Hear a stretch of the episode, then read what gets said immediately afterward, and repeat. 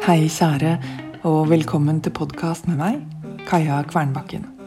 I dag med et fredagsbrev fra Arkivet om å fortjene gode ting. Jeg leser Robin Wall Kimmerer 'Braiding Sweetgrass'. Det er en trøstebok, og den minner meg om det jeg kanskje liker aller best ved å skrive. Dette her. Disse tekstene som ligger et sted mellom essays og memoarer. Akkurat nå skulle jeg ha skrevet på den nye romanen min, og jeg skal det. Jeg liker det også. Jeg har lyst. Men det er noe med dette stedet inni meg.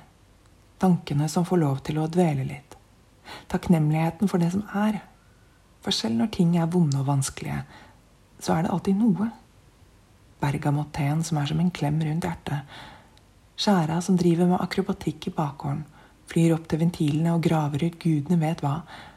Og disse ordene som minner meg på at det er godt å leve. Kimmerers og mine egne.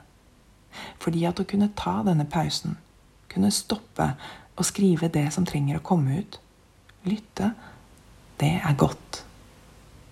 I dag drakk jeg ni pentakler. Hva trenger jeg å høre i dag, spurte jeg. Du fortjener gode ting. Jeg forbinder kortet med materiell rikdom og tenker på hvordan penger, en stødig inntekt, kunne ha gjort livet mitt lettere. Én ting mindre å bekymre seg for men i kortet ligger også dette minnet om at jorda er god. Det er fugler å se på, snegler å beundre der de finner veien til akkurat den avlingen du selv også setter mest pris på. Det minner meg på at jeg er heldig som kan gå turen min hver dag langs elva og snakke med skjærene, i hvert fall når jeg tror at ingen hører meg. Jeg vil bli venn med skjærene, og jeg venter spent på om jeg får støtte til å skrive den boka om fugler som jeg har drømt om så lenge. Du fortjener gode ting, kjære. God helg. Din Kaja.